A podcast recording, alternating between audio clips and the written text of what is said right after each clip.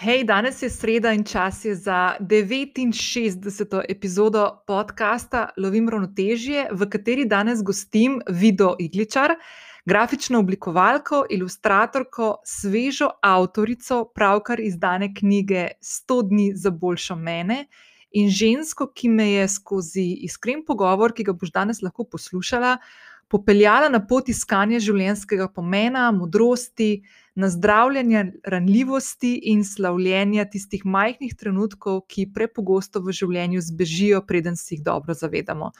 Pogovor z Vido je eden od tistih, ki ga ne moreš načrtovati, in že na samem začetku je postavila v spredje svoje življenjske preizkušnje, izgube in spopadanje s čustovanjem, ki so jo na to skozi življenje vodili, da se je nenehno spraševala o svojem pomenu, bila pri tem ustvarjalna in radovedna.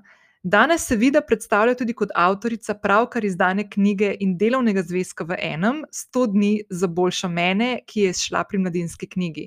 V knjigo je preslikala svoj 100-dnevni izziv, s katerim je najprej prek svojega Instagrama sebe in s tem tudi svoje sledilce popeljala na potovanje do odkrivanja boljšega počutja, pri čemer je zasledovala pravilo majhnih in drobnih dejanj, ki jih naredi prav vsak dan.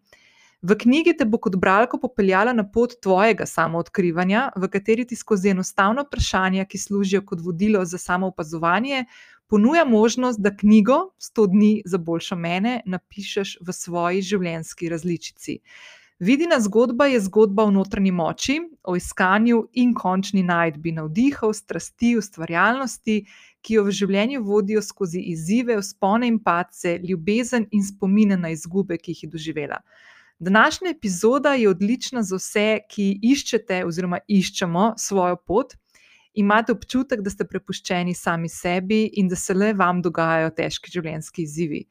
Kako krmilo svojega življenja skozi majhna dejanja in vsak dan, ki postavljajo trdne in zdrave temelje, vzeti v svoje roke, pa skozi vidino izpoved in tudi z njeno knjigo, ki tudi meni ponovem dela družbo in to vsako jutro, ko se lotim pisanja mojega dnevnika.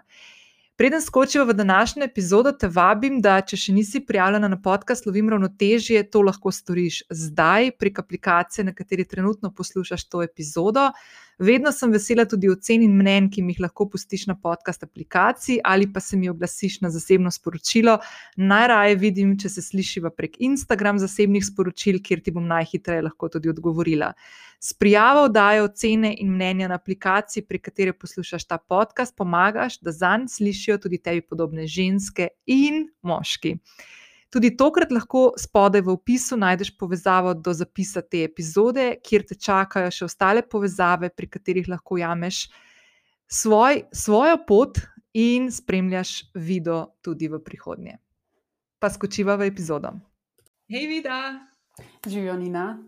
Živijo, vida. Jaz sem tako vesela, da danes s tabo klepetam. Um, tako bomo prišli še do tega, ampak uh, bomo začeli najprej s tem. No. Danes je ponedeljek, tako da snemava nekaj dni, preden bo šlo to v eter in bo objavljeno. Pa me najprej zanima, uh, kaj je kakšna taka lepa stvar, ki se je ti zgodila. Ali ta teden, že zdaj v ponedeljek, do povdan, ali pa za vikend. Okay, najprej, uh, ful, hvala tudi tebi za povabilo.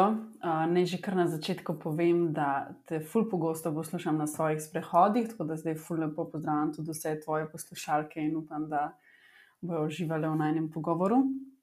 Um, jaz ti nisem super. Se mi zdi, da mi je januar ful prinesel ene take sveže zagnanosti, ki sem, sem si jih že zelo želela in ene nove energije. Um, vreme zadnje dni pa predvsem tudi malo več pozitive in sem, ga, sem, ta, sem to sonce fino izkoristila. Smo šli z družino parkrat teč na smočeh na bledi in mislim, da je bil to kar en tak highlight tega tedna. Ful dobro. Okay, zdaj, preden bomo šli na tisto tematiko, ki sem jo že v, vo v vodu malo nakazala, uh, bi te malo tako poprašala na začetku, kdo je vida, uh, kako se je odvijalo tvoje življenje, kako si prišla uh, danes do tega uh, dela v življenju, ki ga živiš v teh dneh, uh, da se tako malo predstavi za tiste, ki morda te še ne poznajo. Ok. Mm. Kdo je vida? Ja, recimo, da bi, um, če se tako profesionalno opišem, bi najprej rekla, da sem grafična oblikovalka, pa ilustratorka. Um, se pa vz, že tako, že od nekdaj sem pa zelo rada bila, recimo, da ne vem, bi temu rekla, iskalka smisla, sem se pač sprašvala neke stvari. In v zadnjem času, predvsem tudi ful, uživam v um, naravi, v nabiranju travniškega cvetja, v hribolazenju in recimo, da, kot bi ti rekla, temu iskanje ravnotežja. Sicer pa tako, če se vrnem na, na neko mojo življenjsko zgodbo, recimo otroštvo je bilo moje po eni strani ful srečno, tako družinsko in res zelo ustvarjalno. Um, z leti sem začela še bolj ceniti, da sem odraščala v varni, stabilni in veliki družini. Jaz imam štiri brate in štiri sestre in z vsemi se super razumemo. Ogromno smo hodili na izlete, v hribe smo potovali z avtom po Evropi in mislim, da smo na zadnje šli na dopust v Ameriko in Kanado vsi skupaj. In Ati je v enem obdobju predvsej tudi potoval službeno in spomnim se, da nam je sestro enkrat iz Malezije prinesel ene škatlice, full pisanih perlic za ustvarjanje. In mi smo doma imeli vse to, nek barve za svilo, za folijo, za steklo, fimo, se tako res svašta in je bilo ustvarjanje že od, že od mojega otroštva res del enega vsak dan, del pač vsak dana. Mm, in ena taka zelo čizi zgodba družinska je tudi to, kako smo vedno na morju ob večerji šli sedeti na skale in pa smo z veščenkami vsi skupaj risali sončni zahod. Um, to je bilo po eni strani, po drugi strani se pa spomnim, da sem bila jaz od nekdaj bolj sramežljive narave in rada v svojem svetu, kar se mi zdi, da mi je prineslo lepe stvari, oziroma jih še vedno, da sem že takrat tako uživala dosto enih drobnih stvarih in v naravi. Druga plat tega je bila pa, da sem naj že takrat predvsej zaskrbljena in občutljiva, kar bi mogoče za tiste leta rekel, da nekako mogoče ni še smiselno tok. In obdobje šolanja se spomnim, da meni ni bilo tako prijetno. Jaz sem bila sicer vedno odličnakinja, ampak se spomnim, da sem si skušala, da bi jaz lahko vse to počela tako stran, pač od ljudi, sama doma in mi kakršna koli pozornost. Ali če je bila to recimo pozitivna pohvala strani učiteljice ali pa ne vem, zafrkavanje sošolcev v osnovni šoli, meni to ni bilo tako prijetno. In sem se potem iz drugega v tretji letni gimnazije, iz Škofiloške gimnazije, prespisala na Bežigrajsko, ker sem tam začela s programom mednarodne mature. In se mi zdi, da sem se takrat mogoče končno malo bolj sprostila. Da smo bili tam mogoče malo bolj vsak zase, ali sem pa jaz takrat ne vem, spregledala unikatnost vsakega posebej in se nisem več tako obremenjevala z mnenjem drugih. Mm, je pa res, da sem takrat tudi jaz imela mogoče eno tako prvo večjo preizkušnjo, ki me je tudi pripeljala do tega spoznanja. In sicer sem jaz konc osnovne šole in potem začetek gimnazije trenirala latinsko-ameriške in standardne plese.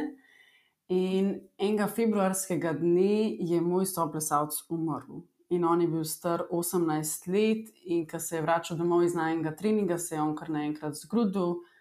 Potem so ga odpeljali v bolnišnico in on je tam še isti večer umrl, in nikoli niso odkrili zloka smrti. In zdaj si predstavljaj, jaz sem na stara, ne vem, 16-17 let, ko sem se soočala z minljivostjo na tak način, da je mlad človek res krtko, brez ne vem, neke razlage, je umrl. In jaz sem imela po tem dogodku potem prvič srečanje z recimo, da ne vem, depresivnim obdobjem s psihoterapijo, in pa sem za neki mesec tudi um, jemala antidepresive, ki so me takrat potem nekako res potegnili iz ene tako črne luknje, da sem splavala naprej.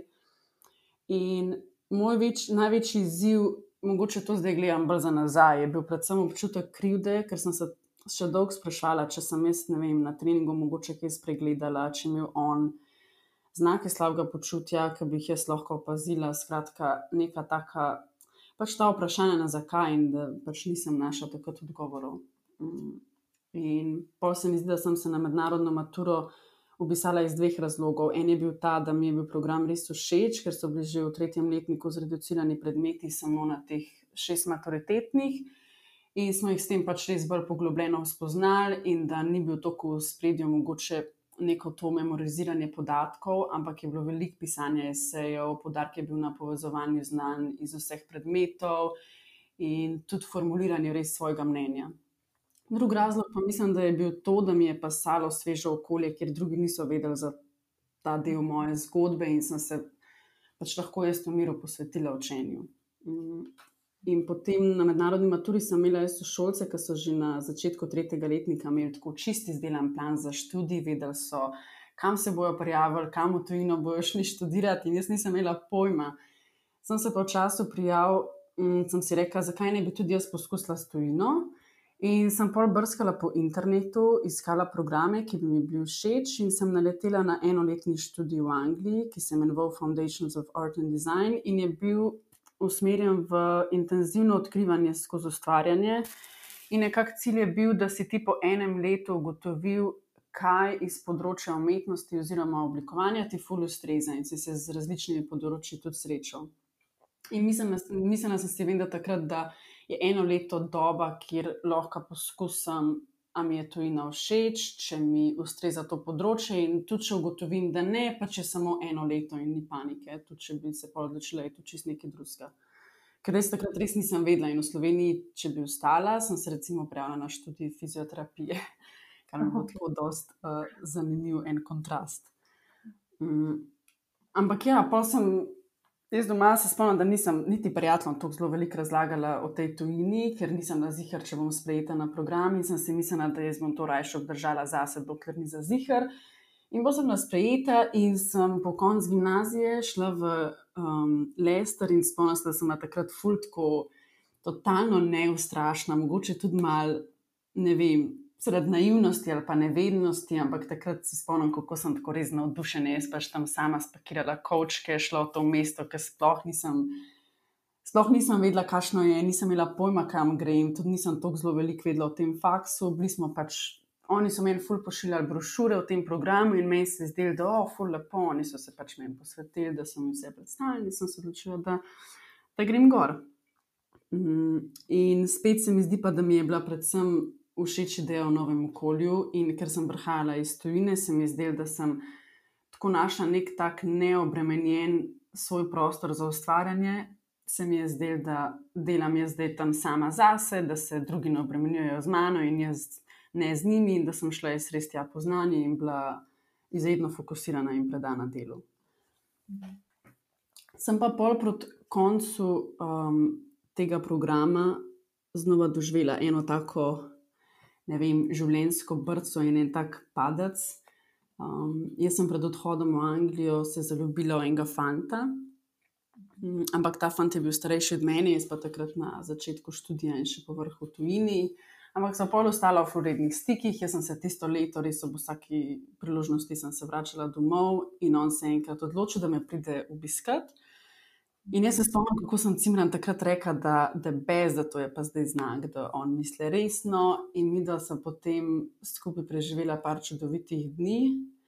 Zadnji dan so pa tekla do avtobusne postaje, odkjer bi on šel potem do letališča in nazaj domov, na kar so on kar naenkrat zgrudi, uh, pride rešil, ga odpeljejo v bolnišnico in meni tam zdravniki govorijo samo to, naj sporočim staršem, da naj čim prej pridejo v Anglijo. In jaz sem takrat vedela, da ok, nekaj je očitno hodilo na robe. In že naslednji dan so potem iz Slovenije prišli njegovi in moji starši, ki se prej sploh niso poznali. In jaz sem spomnila, da sem takrat stara 19 let in da sem si za rojstni dan napisala 19 stvari, ki jih moram narediti v tistem letu. In ena izmed njih je bila obetne znanca, in to sem odkljukala tisti dan, ko sem prvič srečala njegovega očeta in so se tam v bolnišnici sam brez besede obila.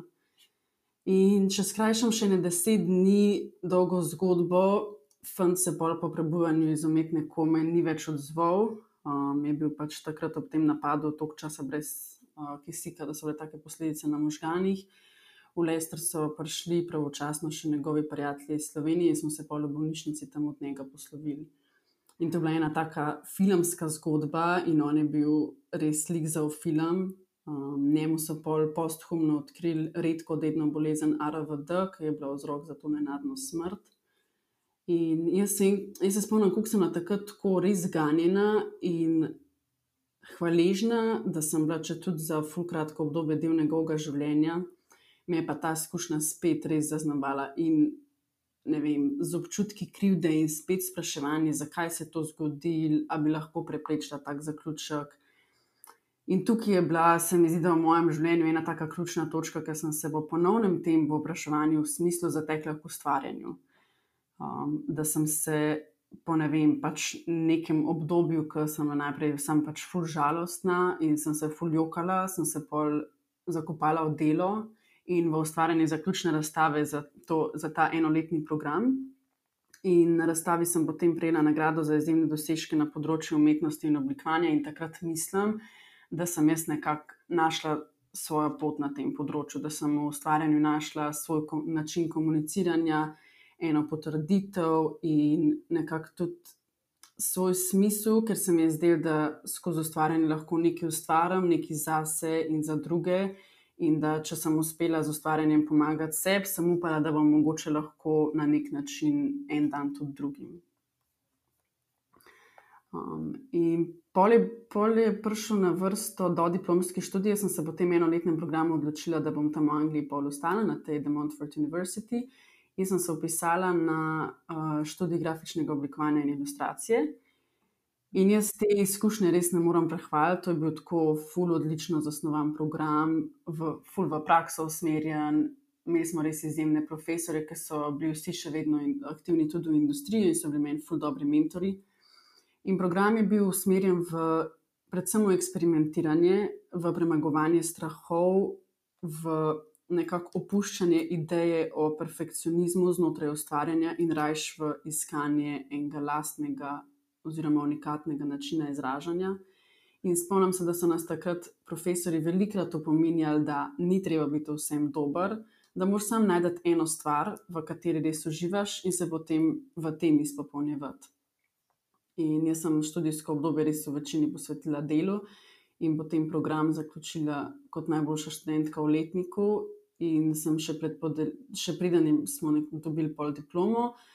Sem bila v bistvu zmenjena za službo gor v Lestru, prijavila sem se na podiplomski študij v Londonu, hkrati sem pa svoj portfolio poslala na oglaševalske agencije Pristop in Luna, ki sta bila takrat, mislim, da edini, ki sem jih v bistvu poznala v Sloveniji. In če imam prav v spominu, sem se pa že naslednji dan dobila za Ljušo Bagola in dogovorila, da ko zaključim program in prejmem diplomo, prijem delati na Pristop. In tako sem se bolj kot mlajša oblikovalka znašla v oglaševanju, v okolju, kjer sem se res ogromno, ogromno naučila. In sem potem tekom let napredovala v umetniško direktorico in skrbela za vizualno podobo enih večjih slovenskih znamk. Um, sem imela pa poleg službe v agenciji odprt še popodanski SP, kjer sem najprej ustvarjala predvsem ilustracije. Začel se je nekako s tem, da sem v trgovinah Babuška in Ika prodajala svoje printe. Potem sem pa počasi začela dobivati tudi svoje manjše naročnike, ki so bili na začetku takrat večinoma prijatelji ali pa znanci, ki so s svojimi znamkami potem rastli. In jaz sem nekako imela priložnost za njo ustvarjati fulmen.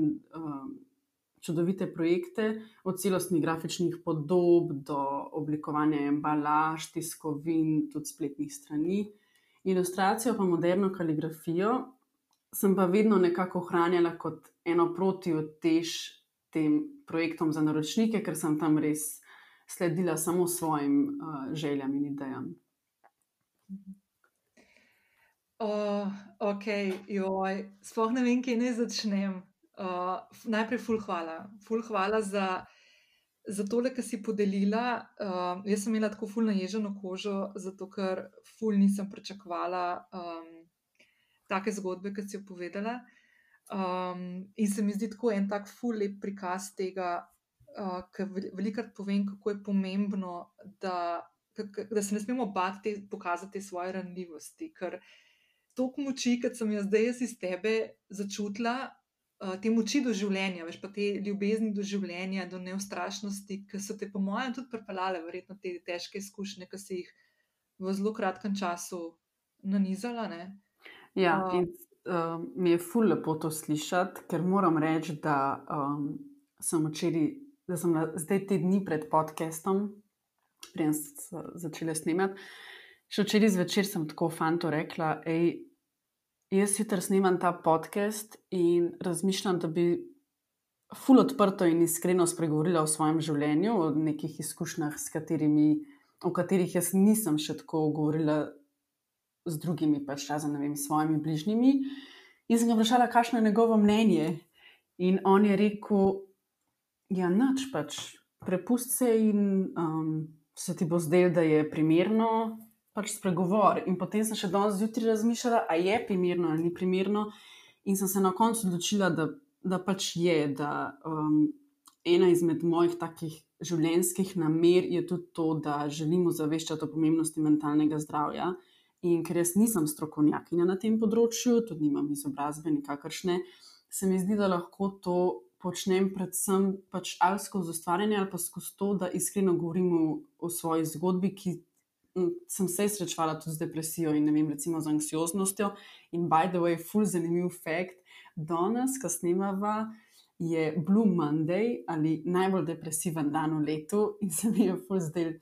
Um, tako en tak lep, lepo na ključe, zakaj ne bi odprto lih danes govorili o mentalnem zdravju, in iz moje strani to vedno prihaja, predvsem željo, da to mogoče komu prinese več razumevanja, ali nekom, ki se bori s tem, več sočutja, ali nekomu, ki tega ne pozna, toliko več poznavanja, kako koli pač. Da bi se o tem več od, in čim bolj odkrito in skozi bolj sproščeno o tem govorili. Ej, ej, ful, hvala. Ful, hvala za to, da si se konec koncev tudi počutila varno, da, da te stvari poveš. Pa veš, kaj se mi zdi? Jaz imam zelo, podobno, um, zelo podoben pristop k deljenju svoje zgodbe kot ti. Uh, tudi nisem strokovnjakinja na številnih področjih, o katerih govorim, in izhajam iz tega, da povem, kako sem jaz šla po neki poti izkušenj, kaj sem pri tem ugotovila, kaj sem se naučila, kaj mi je pomagalo, kaj mi ni pomagalo. Vedno bolj kot ne s tem, da bi dala neke nasvete, bolj o tem, da pokažemo, ko se enkrat začnemo pogovarjati o takih stvarih. Prva stvar, ki ugotoviš, je, da nisi sam na svetu s podobnimi težavami in izzivi, in druga stvar, da smo si fulbol podobni, ker včasih živimo v nekih takih mehurčkih in imamo občutek, da se to samo nam dogaja. To to ne, ja, in to tudi ne pomeni, da so tvoje, tvoje izzivi ali pa izgube ali pa, um, ali pa um, uh, čustvovanje, da so zaradi tega manjši. Ne. Ampak mogoče tako ti zna pokazati en tak del, da si del neke skupnosti, del neke take kolektivne energije in postanejo stvari malo lažje za obladovati. No? To se ful strinjam. In tudi jaz sem nas pri sebi videla, koliko ker recimo poslušam podcaste in slišim zgodbe različnih ljudi. Pač meni to ful pomaga, tudi če to niti ni zgodba, ki bi bila podobna moji, kar se tiče nekih dogodkov ali pa izkušenj. V resnici na koncu ugotoviš, da se mi zdi, da se nas veliko obremenjuje s podobnimi stvarmi, da si vsi želimo podobnih stvari. Ne vem, vsak. Zjutraj vstane in ima mogoče neke želje ali pričakovanja do sebe, ki gre zvečer spat, ga mogoče ne vem, skrbijo nekatere stvari, ali pa je se veseli enih stvari, naslednji dan in se mi zdi, da smo v teh enih takih osnovnih stvarih na koncu vsi zelo podobni. -hmm. Ja. Pa veš, kaj sem poslušala, ko si govorila o svoji zgodbi, kaj mi je bilo tako, kaj mi je ven stopilo. Um, ko si pol povedala, kako, kako si našla po tej drugi izgubi, ko si vstala v Angliji, študij, ki te je učil, kako premagovati strahove in kako ne iskati popolnosti. In sem si tako mislila, o moj bog, ne morem verjeti, če bi ti, na primer, ostala v Sloveniji, vprašanje, če bi tako izkušnjo imela. Ja. Da si dobila prav tako, kot bi ti, kot da bi ti nekdo, neka višja energija, kako koli temu rečeš, karkoli pa človek verjame, vsak posameznik pri sebi. Kot da ti je pripeljalo neko tako stvar, ki te je pomirjalo, oziroma ti dalo možnost, da iščeš neke te svoje globine, neko uteho, neko umirjenost in tako naprej. To se strinjam. In jaz sem takrat vsem potem eno, po tem enoletnem programu, jaz to takrat nisem vedela, bom jaz imela moč iti nazaj v Anglijo, pa spet biti nekako ločena od družine in prijateljev. Sem šla tukaj delati vse en sprejemne na um, Akademijo za likovno umetnost. In jaz sicer neč, ne morem reči, ker nimam izkušenj res um, študijem tam. Jaz sem sam imela izkušnjo, ko sem hodila tja na ta tečaj za sprejemne in polna sprejemne, ker sem šla na sprejemne izpiti. Jaz sem imela tam občutek, da bom jaz tam pač podlegla pritiskom. Meni se je zdelo, da je bilo tako temačno okolje in da so bili meni so profesori delovali dosti strogi. In se mi je zdelo, da če bo en tam se nekaj malo zdrl name, kako nekaj nisem naredila, da se bom kar zjokala. Ja. In tako da ja, v Angliji, pa za razliko od, ne vem, pač se, seveda imam dosti več izkušenj bolj z Anglijo, kot z akademijo tukaj, ampak tam Gor se je meni zdelo, da so bili profesori tako, predvsem mentori, da se je res videl, da to, kar ti želiš vlagati v faks, bojo oni vlagali vate nazaj. Ni bilo neki, ne vem, niso težili, da si tako, kot si ti zdaj mogel delati, ker je bilo tako lepo, pač tukaj je študij, to je zate, tukaj ti lahko odneseš neko znanje, tudi sveda je bil ta študij gor uh, plačljiv, tako da je bilo tam nekako se, smo vseeno vsi študenti bili dost um, posvečeni delu. No. Mm. In, čaki, in zdaj ti, pa imamo še eno skupno stvar, ok, poleg te Anglije, iz katere sem jaz hitreje ušla kot ti, pa nisem lepe izkušnje, uh, mislim, sem imela drugačno. Pa, čeprav sem tudi jaz pakirala tako pri 30-ih, takrat veš, tako, tako kot ti takrat pri 18-ih, 19-ih, ne, tako vsa pametna, ja, kako neustrašno, veš. pa malo naivno, ampak se to po mojem, to je prav, da je tako. Um, no in pol sem tudi jaz nazaj prišla in sem še na pristop, ne sam tok. Jaz sicer za eno leto, kdaj si ti začela na pristopu delati? Jaz sem na pristopu začela v bistvu takoj, ko sem zaključila faks in sem pol tam ostala pet let. Mhm. In ja, jaz sem pol v tistem obdobju, ko sem imela pač redno službo na pristopu in zraven še popodanski SP, ki je bil to pol s časoma ne več samo popodanski, ampak tudi tako večerni, pa nočni, pa za vikend. In je pol prišlo do tega, da je meni s časom res, eh, da so moje dejavnosti se zreducirale na delo.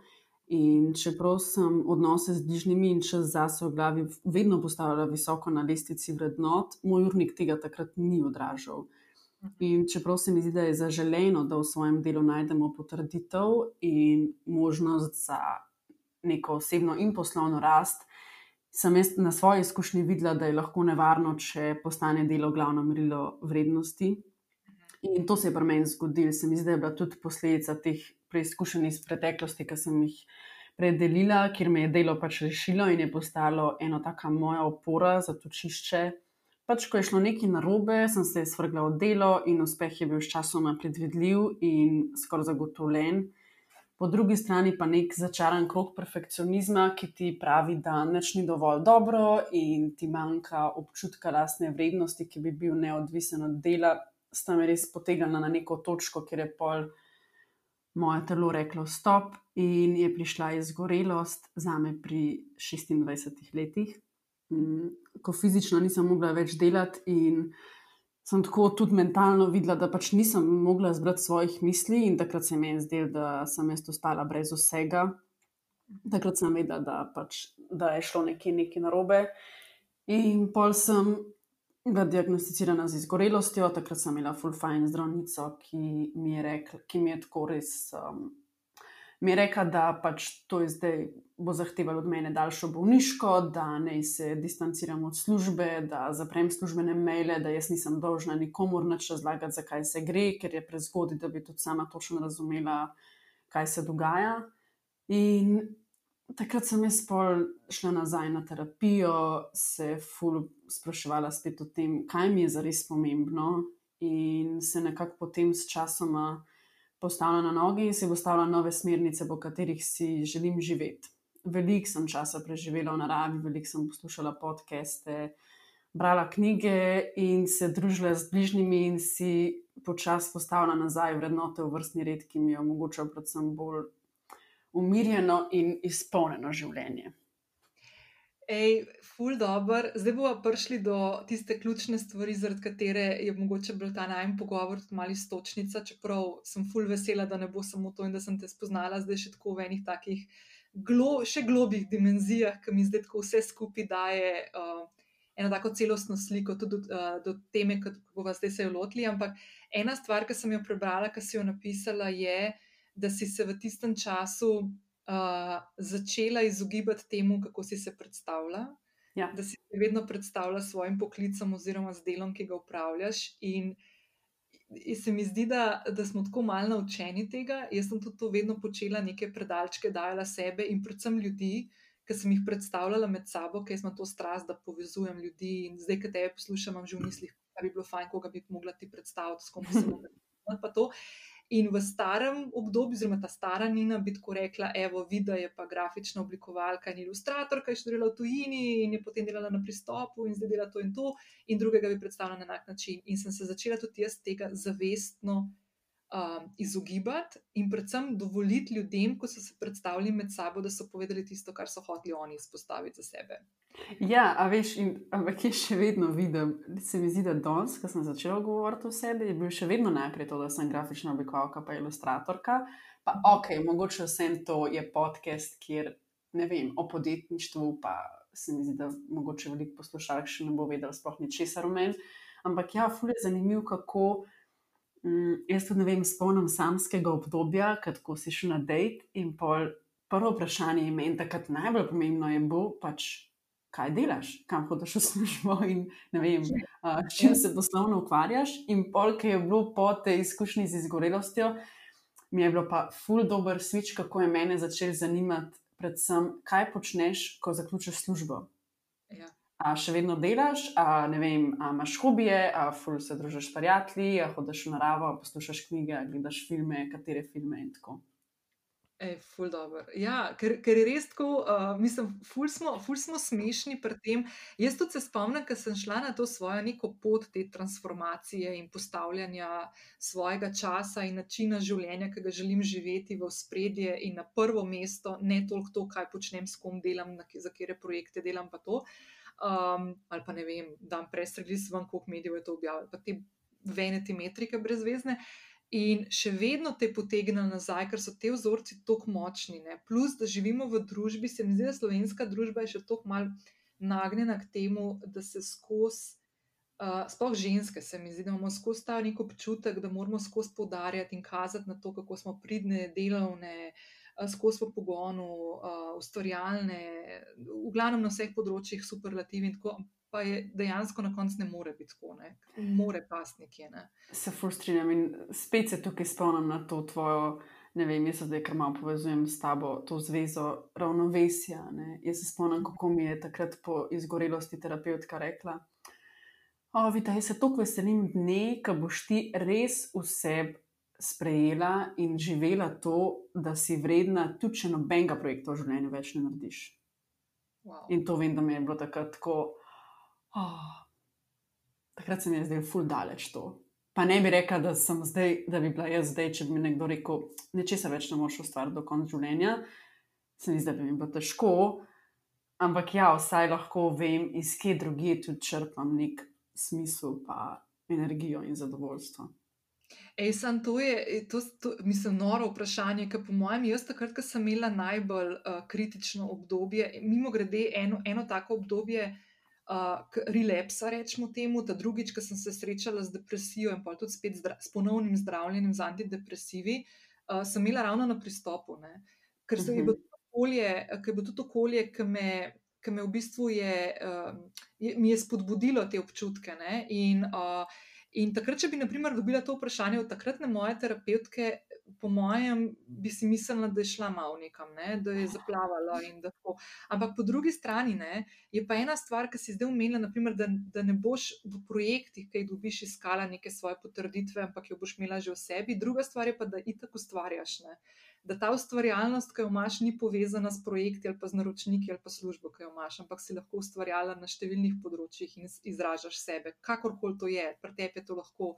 Eh, grafično oblikovanje ali pa ilustracija ali pa pisanje ali pa uh, sa, samo refleksija, ki jo delaš na sprehodih, ki greš ali pa ki greš na teč na smoče, kakorkoli. Uh, pri drugih ljudeh je lahko pa ne vem, yoga ali pa ples ali pa, ali pa telovadba ali pa ne vem, kaj drugega. Se strinjam in se mi zdi predvsem pomembno, da se sami ne zreduciramo na delo. Kako koli se meni včasih zdi, ja, pa je družba zdaj taka, pa je mogoče ne vem, smo ful nagnjeni k tej produktivnosti in kako čim več dosegati in ne vem kaj. Ampak to je konc dneva je odvisno od tebe. Pač, a boš ti se na konc dneva pohvalil, pa bil hvaležen in bil ponosen na se, na stvari, ki niso služba. In se mi zdi, da včasih je to uh, treba zavestno in namer, tako namerno narediti. Ja, seveda si ful ponosen, kad ti neki, ne vem, v službi rata. Um, ampak ne vem, se mi zdi pomembno si se spomniti, konc dneva, hej, danes sem pa ful ponosna, ne vem. Poslušala sem prijateljico pol ure, ki mi je razlagala o neki svoji težavi, in se mi zdi, da sem ji mogoče uspela nuditi neko oporo, da si res rečeš, hej, na, na to je nekaj, na kar si lahko ponosen in ni samo umevno, in da pač začneš tudi take stvari vlagati čim več časa. Ja. Uh, ne, absolutno. Mislim, Ne, to mi, to mi je zdaj čisto noro. Zdaj sem imela eno stvar na, na on tip of my tongue in sem jo pozabila, ker sem te zelo poslušala, tako se nazaj. Ampak le, zdaj mi je ful dobr prehod, ker smo se dotaknili uh, že te teme uh, iskanja te neke svoje, neka, nekega tega svojega notranjega kolesja zadovoljstva, ki ga uspeš to sem hotela reči. Ne. Eno je, da naprimer, ti imaš ti neke hipne trenutke sreče, ki ponavadi potem so in, in odidejo.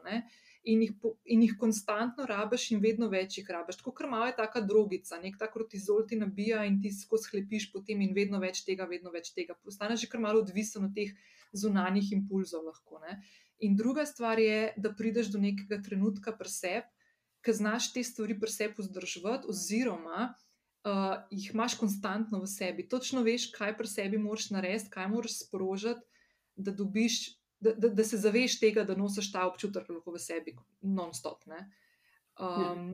Jaz se mi zdi, da sem tudi do tega prišla, mogoče zdaj ne tako dolgo nazaj. In predvsem jaz, kot človek, ki sem še nedolgo nazaj, praktično celo svoje življenje, že no, mislim, mogoče zadnji dve leti, da tega, temu ni tako. Da sem v bistvu zdaj, ko se nazaj pogledam, vedno živela v odvisnosti od tega, kaj sem od zunaj dobila potrditev. Pa je to bilo lahko delo, lahko so bili prijatelji, lahko je bila družina, uh, naprimer oče, da mi je kdaj rekel pohvalo, ker sem jo celo življenje hotela slišati, ali pa partner, kakorkoli. Pač vedno je bil nekdo drug tisti, ki je pri meni dosegel, sem se jaz dobro počutila ali ne. Nisem znala to v sebi noter najti. Zdaj, ki je pa to pri meni notri nenehno, seveda imam tudi slabe dneve, the way, nisem rada danes Blue Monday, tako da še dobro, da smo se mi dve dobili, da bomo to uh, obrnili na glavo. Ampak uh, danes, na primer, lahko tako preseb sama to. Najdem tudi v tistih trenutkih, ki mi je bed, da mi vzamem dnevnik v roko, pa začnem pisati o teh stvarih, pa zelo hitro ta šift znam narediti na stvari, ki jih pa imam, pa so fajn in kaj sem dosegla, in kako sem notranje pomirjena, in da vem, da zvečer, ko se pogledam v gledalo, me jaz gleda nazaj. Ne, ne, to, se mi, to se meni sliši kot eden, en večjih življenjskih dosežkov.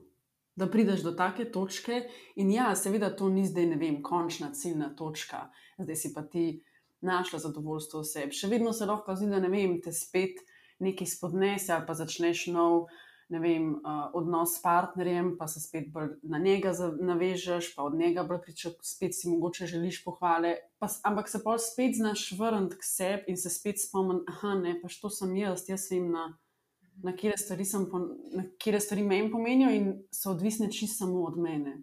Mm.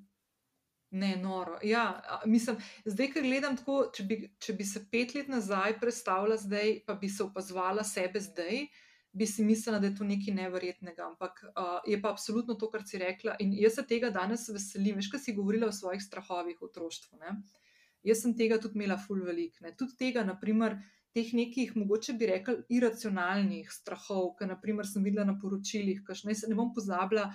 Um, Ker je bilo tisto trenje na Balkanu in je bilo na Kosovu, in so ljudje bežali, in sem jaz gledala poročila, jaz pa nisem mogla po noč, ker sem se bala, kaj se bo zgodilo, se bo to pri nas spet ponovilo. Mislim, da je res nore stvari, poleg vseh ostalih strahov, ki sem jih itak imela, ki so bili ti moji osebni. Ne? In, uh, in naprimer, um, danes, ne, ko pogledam nazaj in si mislim tako, jaz se ful veselim. Stvari, ki prihajajo. Jaz sem danes pripričana, da celo življenje do zadnjega izdiha se učiš, uh, in ful se veselim izzivov, in veselim se tudi tistih porazov, zato ker sem ugotovila v življenju, da se iz njih največ naučim in me ni strah več teh stvari. Uh, tako ful lahkotno in z veseljem gledam v prihodnost in ko mi čakam, da doživim neke nove stvari, ki jih še nisem do zdaj. Kar se mi zdi noro. Ja, to sem še, še meni slišal tako. Kar pomirjujoče, jaz ne vem, če sem vedno trenutno na tej točki, da je bila tok. Mm, se mi zdi, da še, še vedno včasih srečujem z nekimi iracionalnimi strahovi, predvsem pred prihodnostjo. Mm. Ampak ja, se mi zdi, da nam je vsem želja to z nekim navdušenjem in radovednostjo vstopiti v, v nov dan. Da, veš kaj, preden gremo naprej, veš kaj me zanima, kako si ti lansko leto doživljala pa vse te stvari, ki so se dogajale in se še odvijajo okrog pandemije in to. Kako je pa to vplivalo na tebe? Ja, m, jaz se spomnim, da ko se je vse to skupaj začel, sem jaz še hodila na terapijo, recimo, enkrat na mesec, tako sem imela že, uh, že dosti malo obiskov.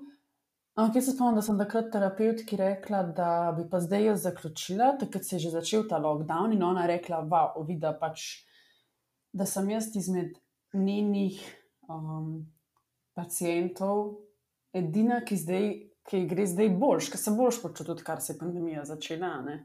Mhm. In na začetku je bilo tako, jaz sem videla, da se je to začelo, sem jaz imela, um, sem vedela, da okay, to bo zdaj, to že tako prihajajo kolektivno neki anksiozni časi in sem se ful.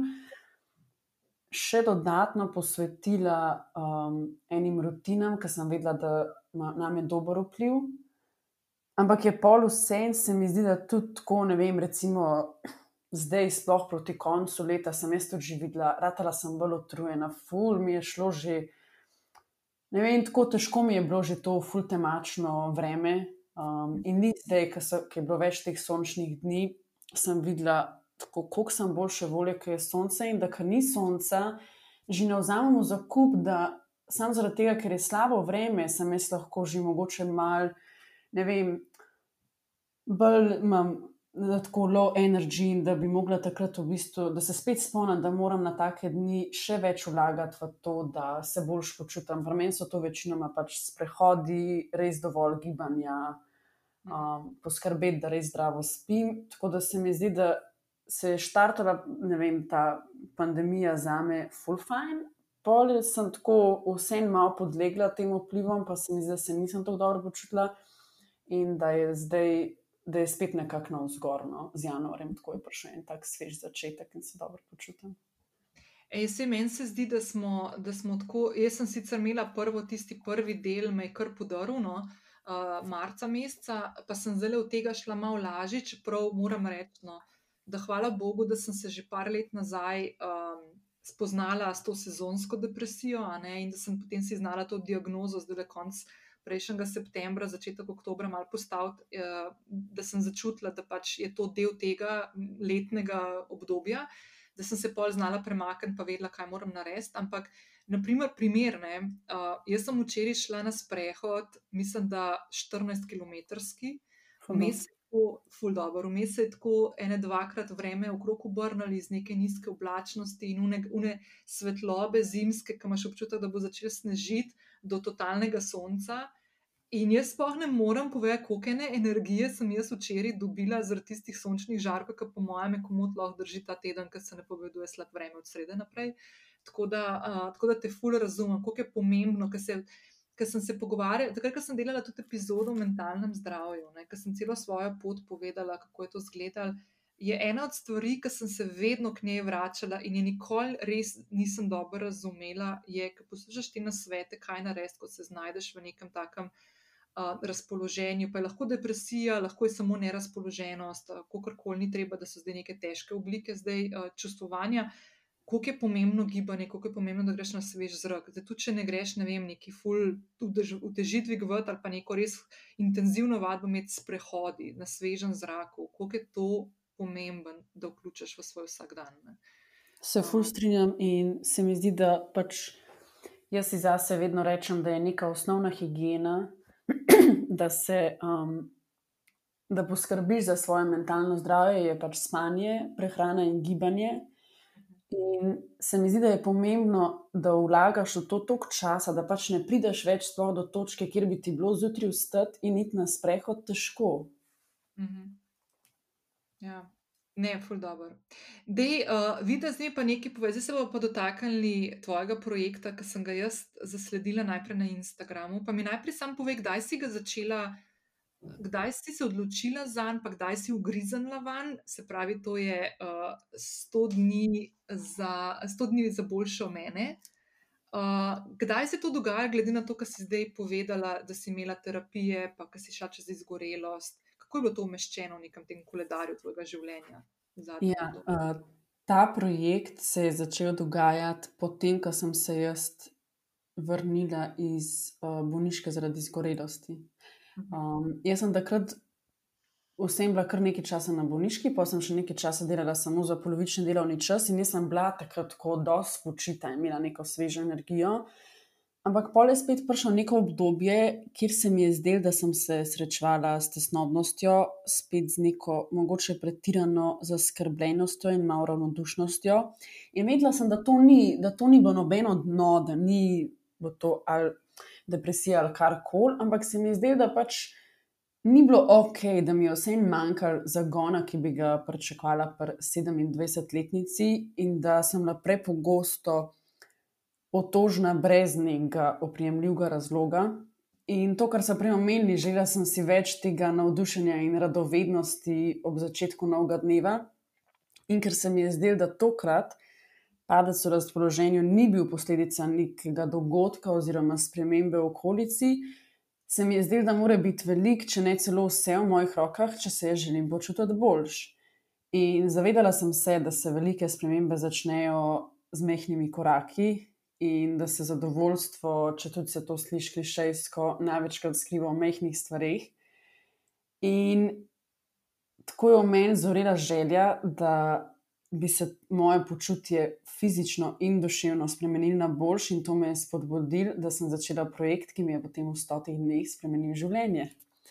Jaz sem si zadala v bistvu ustvarjalni in osebnostni izziv.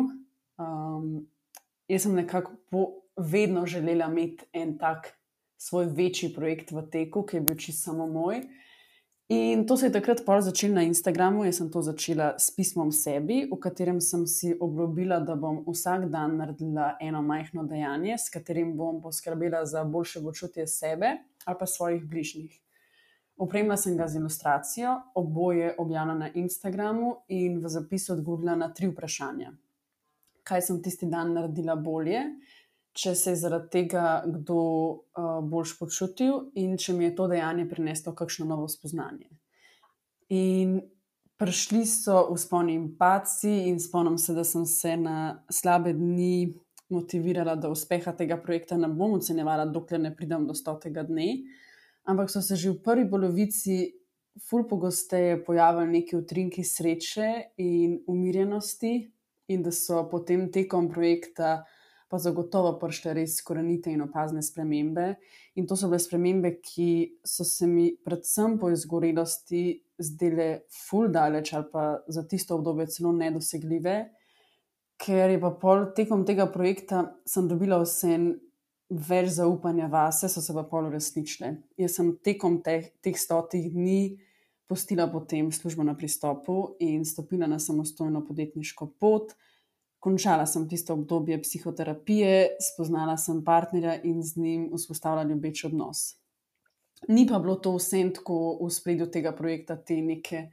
Se mi zdi, da so te večje spremembe prišle nekako spontano, da je bil večji podarek na teh mehkih korakih, da sem se, ne vem, tekom stotih ilustracij, ki sem jih mogla, ki sem jih pač vsak dan delala in seveda to nisem imela, je zdaj full časa, jaz sem včasih to ilustracijo naredila tako v pol ure. In sem poskusila fulejnih novih stilov. Um, v tistem obdobju sem pa res začela postavljati jasno mejo, da sem vikende preživljala v naravi in nič za računalnikom. Um, odločila sem se, ne vem, poglobiti znanje joge, dobila nove neke rutine, da sem še bolj izboljšala kakovost svojega spanja. Velikrat sem se osredotočila na hvaležnost in na, ne vem, pač enostavno grajenje boljših odnosov s sabo in z bližnjimi. In se mi zdi, da mi je skupen vpliv vsega tega prinesel največjo spremembo in to je bilo boljše počutje sebe in svojih bližnjih, kar se je res opazil tudi na vzven. In da sem s tem projektom 100 dni za boljšo mene, se nekako spet vrnila k sebi in znova usvojila najdragocenejšo lekcijo, da se bo pacu lahko poberemo in vrnemo ne samo močnejši, ampak predvsem z več sočutja do sebe. In da sem v teh stotih dneh spet našla eno iskrco, na katero se mi je zdelo takrat, da sem po izgorelosti že skoraj pozabila. In to je bila iskrca, ki jo imamo vsi v sebi in z njo odkrivamo in ustvarjamo radost, ter jo delimo z drugimi. In obdobje stotih dni me je res spomnilo, da je sprememba stalna in če si pripravljen rasti in vlagati, tudi če je to samo skozi res eno mehko dejanje na dan, da se ti to vse povrne. No, in jaz sem tako čist uh, amazed, ker si ti potem um, ta svoj izziv, osebni, ki si ga delila z vsemi nami prek Instagrama, spremenila in zapakirala, to je zdaj fulgarda beseda, uh, v eno knjigo z istim naslovom, 100 dni za boljšo mene, ki je, kaj je, ne, deset dni nazaj išla pri mladinski knjigi. Tako in jaz sem tako noro navdušena nad to knjigo, pa bom zdaj, če mi dovoliš, sam tako opisala z mojimi besedami. Jaz sem to knjigo dobila prejšnji teden v roke, ker sem klicala mladinsko knjigo, da jo absolutno moram dobiti, zato ker se s tabo slišam. Naslednji teden bi res rada, da ne bom izpadla tako čudna, da nisem tega videla, da bi se rada malo pripravila. Ne? In zdaj, poleg tega, da je knjiga, najprej me je fascinirala, ker je težka, debela knjiga. Ja, je res, iskreno je tudi nas presenetilo, da je to, ja, kar ne vem. Res imaš občutek, da imaš tako eno tako knjigo, konkretno v roki. In poleg tega, da je noter en kup enih ilustracij, ki si jih ti ustvarjala, in, in, in fotografij, no, z napisi in to. Uh, Tle le zdaj, ki gledam, vidim tudi, da si lepo afno, tudi si naredila za njo to uh, ilustracijo, no, glih sem na tej strani 96, ki je malo Ampak, v glavnem, uh, je, kaj mi bo najbolj všeč, ne? da začneš knjigo s tem pismom sebi, ki si ga že omenila. In potem je knjiga polna enih izzivov, oziroma kot nek dnevnik, kaj se tebi dogajalo na nek dan, in skozi odgovore na ta, na ta tri ključna vprašanja, ki si jih omenila. Se pravi, kaj si danes naredila bolje, a se je kdo zaradi tega počutil bolje, se pravi, nekdo okoli tebe, in kaj je to dejanje, če prineslo kakšno novo spoznanje. In vse te stvari lahko bralec, ki to knjigo prime v roke, uh, ima vsak dan odprt, naprimer, jaz sem zdaj na 51. dnevu in imaš možnost tudi v obliki nekega delovnega zvezka, da vsak dan prebereš, kaj si ti zapisala. In potem odgovoriš na ta tri vprašanja, vsak dan posebej. Tako da lahko vsak od nas, uh, ki to knjigo primemo v roke, se poda na neko stodnevno odkrivanje boljšega sebe. A je tako? Tako je. Um, ja, jaz sem si v bistvu že. Jaz nisem tega projekta štartala tako s nekimi optimističnimi plani, da bo to neka nova knjiga, ampak polk je šlo proti koncu um, in sem dobila tudi številne pozitivne odzive na Instagramu, od vem, spodbudnih komentarjev, nekih uh, debat in sporočil ljudi, ki jih je projekt tako navdušil, da so se ga že takrat lotili tudi sami. Je meni to skozi me gnalo, nekako, da bi ta izziv ponesla naprej med ljudmi. In ja, se mi zdi, da s to želela sem, da knjiga združuje, da so ti moji zapisi lahko ali malo kot vodilo, ali kot inspiracija, um, predvsem pa, da je to priročnik in da jaz ljudi povabim, da se tudi sami lotijo tega stodnevnega izziva in da izpolnjujejo, in da je tudi kot neka oblika uh, pisanja dnevnika, lahko je tudi sam, kot ne vem, imaš knjigo postalno in odpreš na nekem random dnevu in si rečeš, da okay, to je neko dejanje, ki ga tudi jaz danes lahko naredim, ker gre za res. Večinoma gre za mehke stvari, ki se mi zdi, da si lahko vsak vedno vzame čas v dnevu za nje, in da vsak preizkus, da res v obdobju stotih dni se mi zdi, da lahko se dosežejo velike spremembe. Predvsem pač v počutju, ne gre se zdaj za to, kako se ti bo življenje obrnilo na glavo, um, ampak da lahko skozi male stvari delaš na svojem počutju. Ali je to, vem, da želiš živeti bolj zdravo, ali ne vem, mogoče bolj zavestno, biti bolj umirjen ali karkoli. Se mi zdi, da če sto dni zaporedoma delaš v tej smeri, je lahko na koncu en ful lep in pomemben rezultat. Če bi to prenesla nekako v uh, gradbeništvo, bi rekla, da take, take rituali, ki lahko postanejo potem tudi po stotih dneh stalnica v življenju, so nekaj tazga, če bi zgradil ene take zdrave in močne temelje za življenje, ki te potem v bistvu pomagajo na vseh tistih stvarih, ki pridajo v življenju skozi izzive, poraze, spone, ljubezen, izgube. Uh, um, in te nekako vodijo do, do nekih takih spoznanj in do moči, ki jo v bistvu nosiš v sebi, pa si doskrat niti ne vzameš časa, da bi odkril. Tako se ful strinjam. In jaz prav tudi ne vem, kaj si mi ti pisala, če bi se slišala za podcast. Ker mi pride včasih kakšna taka preizkušnja, zdaj si rečem, evo, vidi, pač to bo danes to boljše dejanje. Dej reči ja in pej čez sebe in premagi ta strah. Ali pa ne vem, uh, se mi ne daj telovaditi in si rečem, vidi, pač veš, koliko ti to dobro dene, da ne bo to zdaj le ta moment priložnost, da narediš nekaj dobrega zase. In pa je to lahko, ne vem, včasih tudi pride petkrat na dan do tazga momenta, ki me misel na ta projekt spodbudi, da um, se odločam za ta pravo odločitev. Ja, in verjetno za kakšno tako odločitev, ki par let nazaj ne bi na njo niti pomislila. Tako, ali bi, se, ali bi si pa rekla, ne vem, joj, sem pač, se zdaj ni treba, se ne vem, sem danes že, ne vem, dosti naredila ali pa. Um, vse ni tako nujno, ampak so tako te mehke, male odločitve, pa mehki trenutki in to, kamen na kamen palača, pač večkrat, ko se odločiš za ta pravo stvar, za boljšo stvar, um, se mi zdi, da je pomembno in vredno. Ej, ful dobro. Jaz, jaz sem ti že prej smo začeli snemati, ker sem odprla danes spet ponovno knjigo, točno na strani 170, ki piše biti pogumen in sem se začela ful smejati, ker je pogum moja beseda leta 21 eh, in sem rekla, evo, the best. Ne? In kjer lahko pokažem pogum, ne? je moja istočnica danes za pisanje dnevnika zvečer, ker se bom usedla po celodnevnem, potem Blue Mondayu. Super. Tako da, evo, da best. Tako da, ful, hvala za to. In jaz sem ful vesela, ker se bom definitivno k tej knjigi vračala. Jaz se bom dala tam le na mojo mizo zraven, da deli stojk knjige in mi bo taka ful lepa istočnica za same, samo refleksijo na moji strani, ko jo delam. Vsak dan, čakaj še dan preskočam, pa me bo zdaj mogoče malo bolj spodbudil, da bom bolj, bolj, bolj, bolj konsistentna pri teh stvarih, zato so res fajn, pa res pomembne. In mogoče ena taka stvar, no, Jaz sem tako že nekaj časa nazaj prišla do enega tazga spoznanja, da uh, ko se posvetiš sam sebi, pa je to lahko, lahko je naprimer dnevnik ena taka fulepa praksa, kako se imaš take neke same, same sa, uh, pogovore sam s sabo. Uh, pri, sem prišla do spoznanja, da pri vseh teh raznih obiskih terapeutov in tega, da najboljšega terapeuta imam že v sebi. Uh, ampak ga moram malo na, na, na plan povabiti. Ne. In, naprimer, meni se je pokazalo, da s pisanjem dnevnika in vključevanjem neke hvaležnosti, do katere sem bila še nedolgo nazaj zelo kritična, ker se mi je zdelo tako vse to malo tako trendovsko, ampak dejansko sem, ti, sem si jaz tudi svoj pogled na svet ful spremenila. Ne. In postala boljši človek zase in za vse ljudi okrog sebe, kot bi ti rekla, kako se je kdo zaradi tega, kar jaz počnem, počutil boljši.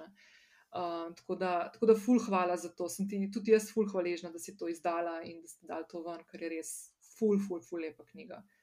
Ful, hvala za te besede in res to slišati. Se mi zdi, da mi da tako občutek, da, ja, da to je to, to je bilo vredno in točno neke take občutke ali pa misli sem si želela, da vzbudim pri ljudeh s knjigo, da jih ali spodbudi ali k temu, da si vzamejo čas zase, ali da ne vem, pišejo dnevnik ali kar koli, pač da je usmerjeno v neko, um, predvsem v pozitivnost in v čas zase. Veš, tako, ko gledam to knjigo, ne, je v bistvu, kaj sem zdaj pomislila, da v bistvu si naredila tako na tisoče knjig. Ne? Zato, ker čisto vsaka tvoja knjiga bo, je podlaga za nastanek nove, ker bo čisto vsak človek, ki bo roke paril in ki bo začel na to odgovarjati na tvoje vprašanja, ki imaš postavljena in neke te istočnice, um, bo dejansko pisal svojo knjigo naprej. In se mi zdi, ravno to meni fulu všeč pri tej knjigi, da, je, da ni tista. A veš, to, kar so se prej pogovarjali, da obe deliva svojo zgodbo, ne? svoje izkušnje, svojo pot, ki lahko nekomu naprimer, pomaga, da se znajde ali pa da reče, ok, nisem sam v tem, ne? tudi komu drugemu se dogaja. Pa, če nekdo drug šel skozi, mogoče pa tudi meni rad, ali kar koli tazga. Kar je meni pri tej knjigi všeč, da ni samo to, ampak da je tudi to, da nekako ponudiš roko, ampak ob enem še brco ne, človeku, da tudi naredi nekaj preseb in da se predstavi v neke druge obrate. In to se mi zdi tako ful, tako lepa popotnica. Sploh zdaj za začetek leta, za to obdobje, ki je tako polno enih takih. Čudnih dni in izzivov, in krepenja po neki normalnosti, ki ne vemo, kakšna bo, ali bo iskanje nekega mesta pod soncem, ki ga zdaj vsak po svoje na novo postavlja. No. Tako in se mi še zdi predvsem tudi v času tega lockdowna, Tudi jaz že tako ful pogrešam ene stvari, pa druženje s prijatelji in več neke spontanosti. Mm, ampak v zadnjem času sem tu naredila neko kolekcijo enih ilustracij, ki je bila usredotočena na to, kaj me osrečuje. In so bile, sem iskala neke momente, ki so nam vsem na dosegu roke. Zdaj, ali je to, um, vem, da si naneseš parfum doma, sama zase, tudi če nikamor ne greš da greš ven in si nabereš nek šopek, tudi če je to vem, iz smrekovih vejc, ki so zdaj recimo mogoče najbolj zeleno, kar je zunaj. Pač res, da si podarimo neke um, male stvari, ki nas osrečujejo, tudi če niso tako. Ne vem, mogoče ekstravagantne, kot so nam bile eno leto nazaj, še dosegljive, se mi zdi, da niti slučajno niso zanemarljive. In jaz vidim preseb, koliko ne vem, če si dam izziv in da nekaj novega skuham in pol mi to uspe, ali pa tudi, če mi ne uspe, pa se pol temu nasmejim, da so ful neki lepi uh, trenutki v dnevu, ko jih lahko ulovimo in da se je smiselno za nje proaktivno tudi potruditi, sploh v tem času, ko so nam ene stvari na nek način nedosegljive ali pa vzete. Ja, pa ful dobro, ful dobro. In to je zdaj zadnje dneve, ful razmišljam, ker smo tako omejeni, kar se gibanja tiče. Ne. In si tako mislim, ne vem, naprimer, eno leto nazaj bi si mislila, joj, kako bi šla na Bali ali pa ne vem, neke tople kraje, zdaj si pa mislim, joj, kako bi šla jaz iz občine na en izlet. ja. Vse je v čist nekih drugih dimenzijah, kar se mi zdi po eni strani full fine, da začnemo ceniti stvari, ki nas v bistvu obdajajo, ki smo jih prej imeli za tako samo po sebi umevno. In jaz, na primer, zdaj imam skozi v glavi neko, neke lokacije, ki bi šla, ki sem jih imela še ne vem, dolg, dolg nazaj, ne dolg nazaj, tako za neke take obskurne, kar res mislim, kva bom pa tam delala. Ne. Se mi zdaj zdi, da kar Ryzen Fiber manjka pomislim, da šla na izlet. Strinjam in meni je bilo zelo zanimivo, da sem poznala rojstni dan in sem si en dan prej si rekla, To je bilo decembra, njih tistem obdobju, ki je bilo res tako grdo vreme. In sem si zaželjela, da plis, ne bo vsaj tako vedro vreme, da lahko grem na en sprehod. To je bila moja želja za rojstni dan, ker pač vem, da eno leto nazaj bi bilo to siguren, da gremo s prijateljicami na undrink, pa da grem pa tja na večerjo in ful več eni želja. Leto se bo tako res minimalno in na koncu sem lahko šla na sprehod in to celo dvakrat, sicer je pa težval. Ej, sam veš, da sem jaz letos začela hoditi na sprehode, tudi če dežuje. Kaj pa to, ker nikoli prej me spravo nisi ven. Mislim, se ne zdaj vsak dan, ne, ampak sem že šla, ker sem prav imela uno potrebo, da res se moram iti premigati. No, tako da, kaj ta zgano, kdo bi si mislil res. No, le se mi postavlja izziv. Jaz letos sem hodila v snegu, tudi v držju, pa se mi zdi, da se že kar nekaj časa nisem spravila. No, evo, ja, tudi v snegu smo že bili, ja, to, le, to letos, da ti spondelke je bil, kaj ful sneživ. Ja. Ej, ful dobr. Ok, um, deva, mogoče, zdaj smo že kar veliko govorili o tem, um, kaj te v življenju navdihuje, kje črpaš navdih, kreativnost. Ti si, poleg tega, da pač tudi upravljaš, ne samo delo, ampak da v bistvu je kreativnost nekako del tvojega DNK-ja. Kaj je tista stvar, prva, ki pomisliš, da vprašam, kje najdeš navdih ali pa kreativnost? Mm, jaz bi rekla narava in zgodbe ljudi. Pa se mi zdi, da tudi vem, mentalno zdravje v smislu, je to zgodbe ljudi, ful mi je fino poslušati, um, kaj vse ljudje dajo skozi in kako razmišljajo in čemu posvečajo svoj čas. In se mi zdi, da tukaj največkrat mi nekako spodbudi eno to ustvarjalno um, ali pa kreativnostno. Hudo. Na kaj si pa najbolj ponosna? Mm, se mi zdi, da kar se tiče dela, vsekakor na knjige, poleg te 100 dni za boljšo mene, prej mi je bilo zanimivo, kaj si omenjala, kako je to v bistvu tisoč knjig. Je pri založbi Grafena od leta 2017 šla še knjiga, naj ti povem svojo zgodbo, ki sem jo oblikovala in nekako vsebinsko tudi zasnovala skupaj z Nino Vidrih. To je spominski album za stare starše, ki tudi zaseda ful posebno mesto v mojem življenju in je v bistvu Je pa samo priročnik, se pravi, noter so vprašanja, ki, na katera potem star starš odgovarja in potem to knjigo podari svojemu vnuku. In so noter razdeljene na, knjiga razdeljena na področja, ne vem, ljubezen, pa kako so, kje sta se spoznala z, ne vem, ali babico ali detkom, kako so včasih preživljali svoj čas, so hodili v gledališče kje je bila njegova prva služba, prvi avto, potem neki spomini na vnuka in na njegovo življenje, v bistvu knjiga. tudi tukaj priložnost, da nekdo pove svojo zgodbo. Mhm. Mm, tako da te dve knjigi se mi zdi, da sta nekako, kar se tiče dela, osebno pa se mi zdi, da najbolj na to duševno oziroma duhovno rast. Se mi zdi, da se še vedno učim, da vedno znova pridejo izzivi in da sem ponosna, na, enostavno ponosna na vse čas, ki ga temu namenam, da postanem boljši človek. Ful sem vesela, da si to izpostavila. Tako ful sem si želela, da boš to rekla.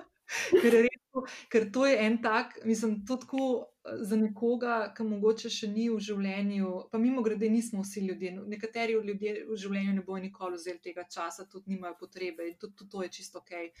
Ampak, ko enkrat stopiš na to pot, je pa to tako, mislim, to je never ending story na koncu, ampak je pa tako fajn, ker začutiš ta svoj notranji, ta, to neko svojo notranjo strast, ki jo lahko, ki jo lahko razvijaš, čist neodvisno od tega, kaj si kdo drug misli, kaj bi mogel narediti, kaj ne bi mogel narediti. In ker najdeš ta pogum in, in to odprtost in ranljivost, ej, ne se to najlepše darilo, kar si ga lahko daš, no, če si iskren. Se strinjam in jaz bi še dodala, da skozi to pride ta res močna povezava z drugimi ljudmi. Se mi zdi, da sem jaz najbolj se mogoče čutila blizu drugim.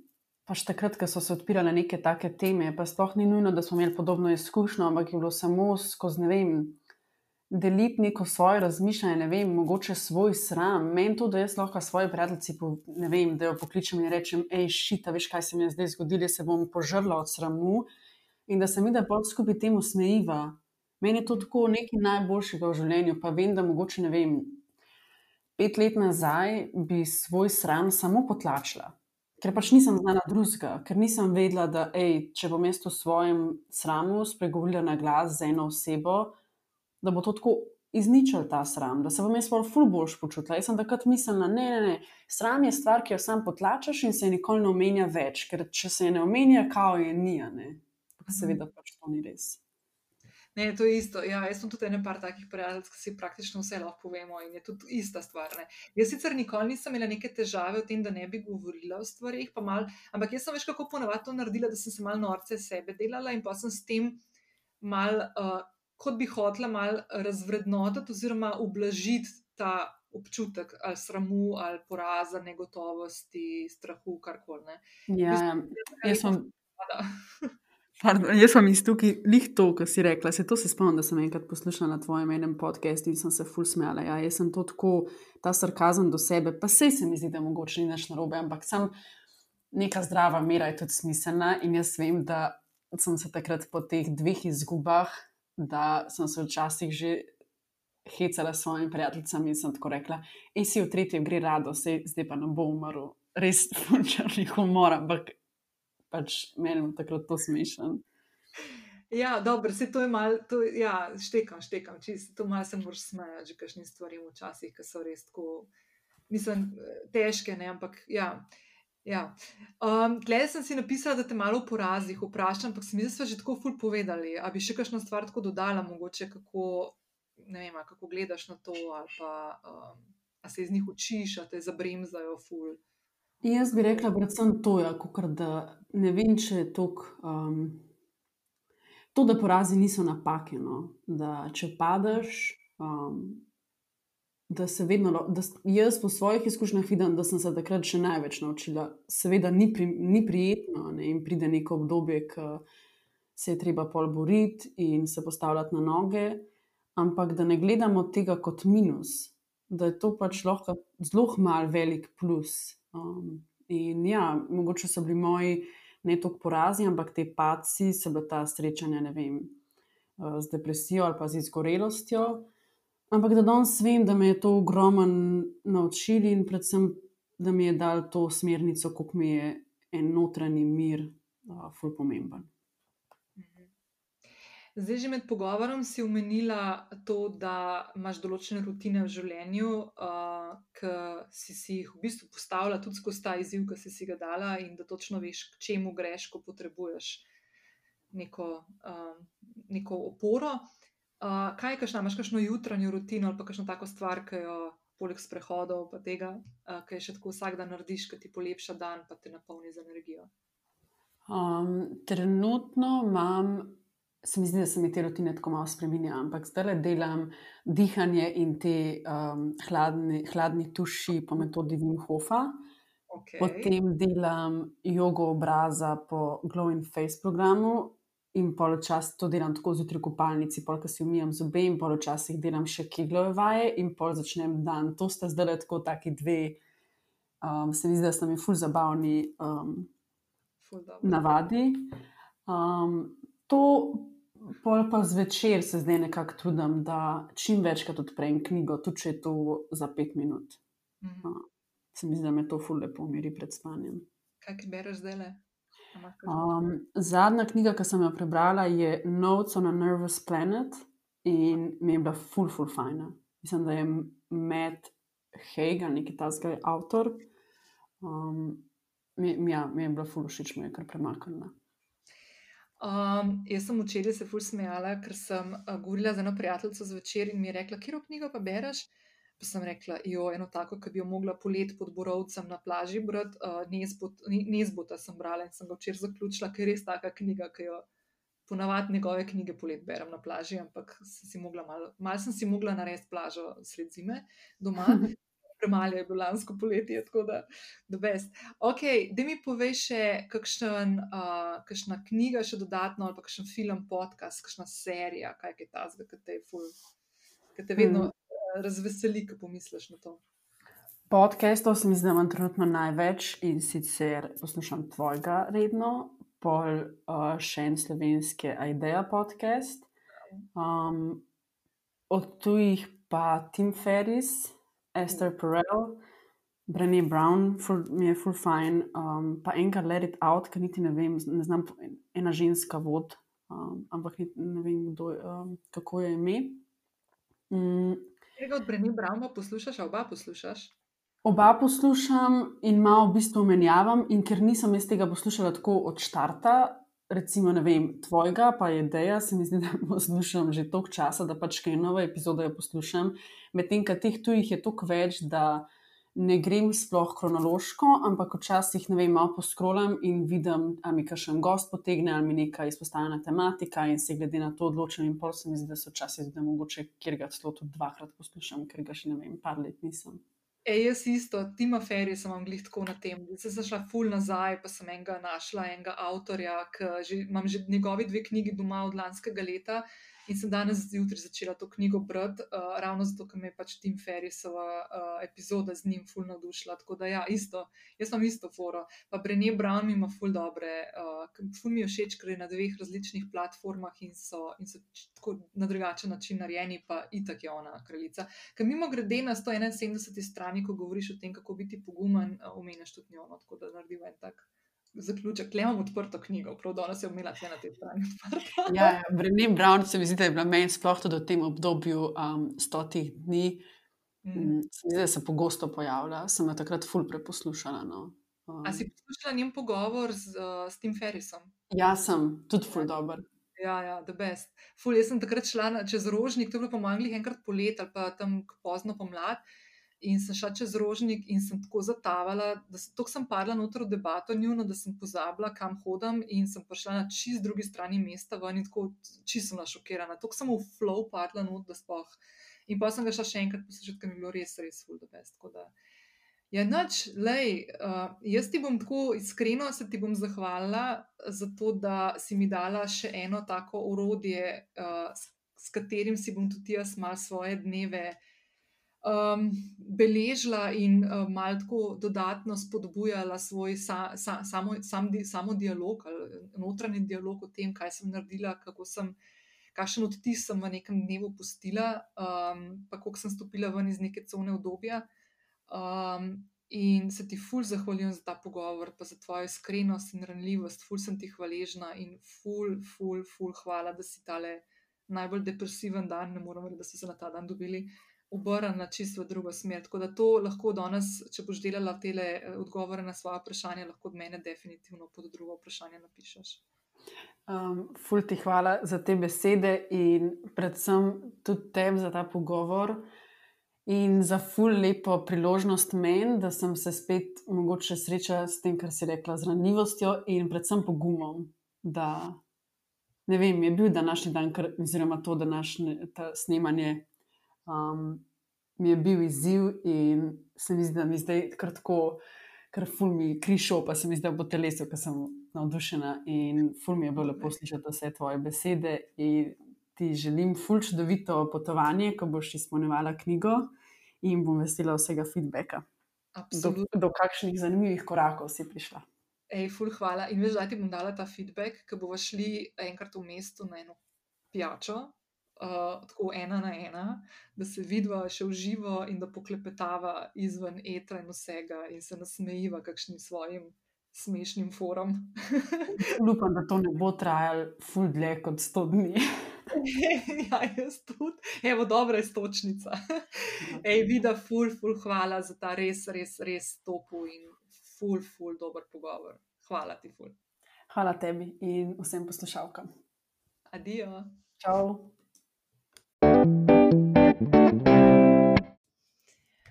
Um, hvala, Vida. Jaz sem tako neizmerno vesela in hvaležna vidi za ta današnji pogovor.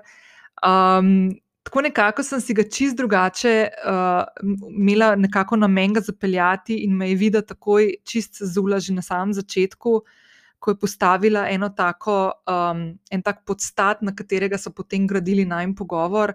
Um, ful se mi zdi pomembno, da se o stvarih, ki nas bremenijo, za katere imamo včasih občutek, da so naše šibke točke, da se o tem pogovarjamo, da iz tega stisnemo tisto največ, kar nosimo v sebi, to je tista moč, tista um, sposobnost preživetvena, da se soočamo z razno raznimi izzivi v življenju, tako težkimi izgubami, kot uh, tistimi lepimi stvarmi, uh, ki včasih prehitro, prehitro minejo.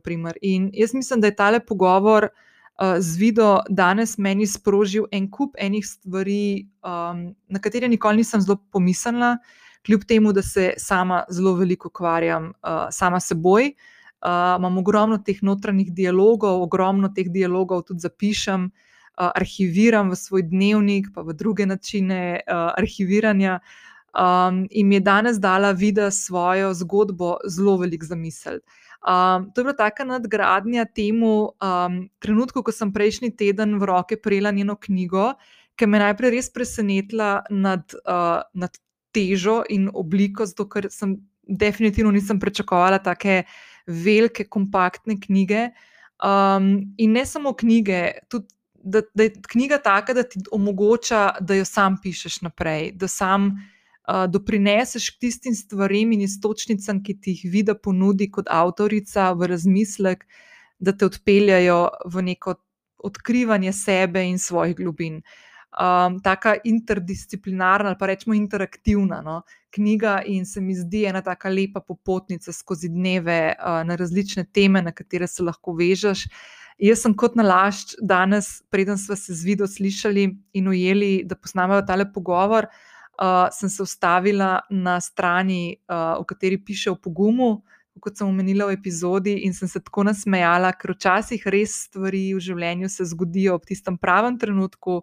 Se poklopijo stvari, včasih so to tudi kakšne negativne izkušnje, oziroma to, kar vidi na primeru izgube, iz katerih je potegnila tisto, kar je v tistem trenutku potrebovala, oziroma si je dovolila, da jo življenje zapelje v smer, skozi katerega je našla potem nek smisel, ki ga konec koncev, zdaj, če naredimo tak krok, zaključen, uh, lahko pripelje tudi k tebi uh, svojo knjigo. Um, z dvema knjigama je tudi omenila še drugo knjigo, ki je za spomine babic, za svoje vnučke in vnukinje ali pa detkov. Tako da um, jaz bom v uh, opis te epizode uh, dala tudi uh, link, prek katerega lahko naročiš knjigo. Uh, glede na to, da ne vem, kje trenutno se nahajamo z ukrepi državnimi, če to poslušaš v realnem času, če to poslušaš kasneje, upam, da smo že ven iz te drame pandem, pandemske. Um, ampak ne glede na to, knjigo lahko dobiš na spletni strani Mladinske knjige, v spletni trgovini uh, in seveda potem v vseh knjigarnah, ko se bodo enkrat lahko odprle. Jaz resnično upam, da bo to kmalo, ker neskončno pogrešam sprehod po konzorciju uh, v centru Ljubljane, ko se mal zgubim. Uh, med knjigami in ko izgubim občutek za čas. Um, tako da, vida, najlepša hvala še enkrat. Tale uh, dan, ko, bi bil, ko smo snemali, ko naj bi bil najbolj depresiven dan uh, v letošnjem letu, je bil za me totalno sončkast. Um, ravno kar, ko to snemam, ta zaključek epizode, sem prišla iz uh, dvournega sprehoda po soncu in uh, sem imela. Dve uri v sebi, tisto občutek, in ponavljala sem besede, o katerih smo se danes pogovarjali, in sem ti res neizmerno hvaležna za to, kar si danes povedala, kar si dala meni in vsem poslušalkam in poslušalcem, verjamem. Uh, da nisem edina, ki sem začutila to moč in sposobnost uh, premagovanja izzivov v življenju od tebe. Uh, hvala še enkrat vsem, ki ste ostali do konca. Slišimo se spet v petek in noč, en lep teden. Ciao!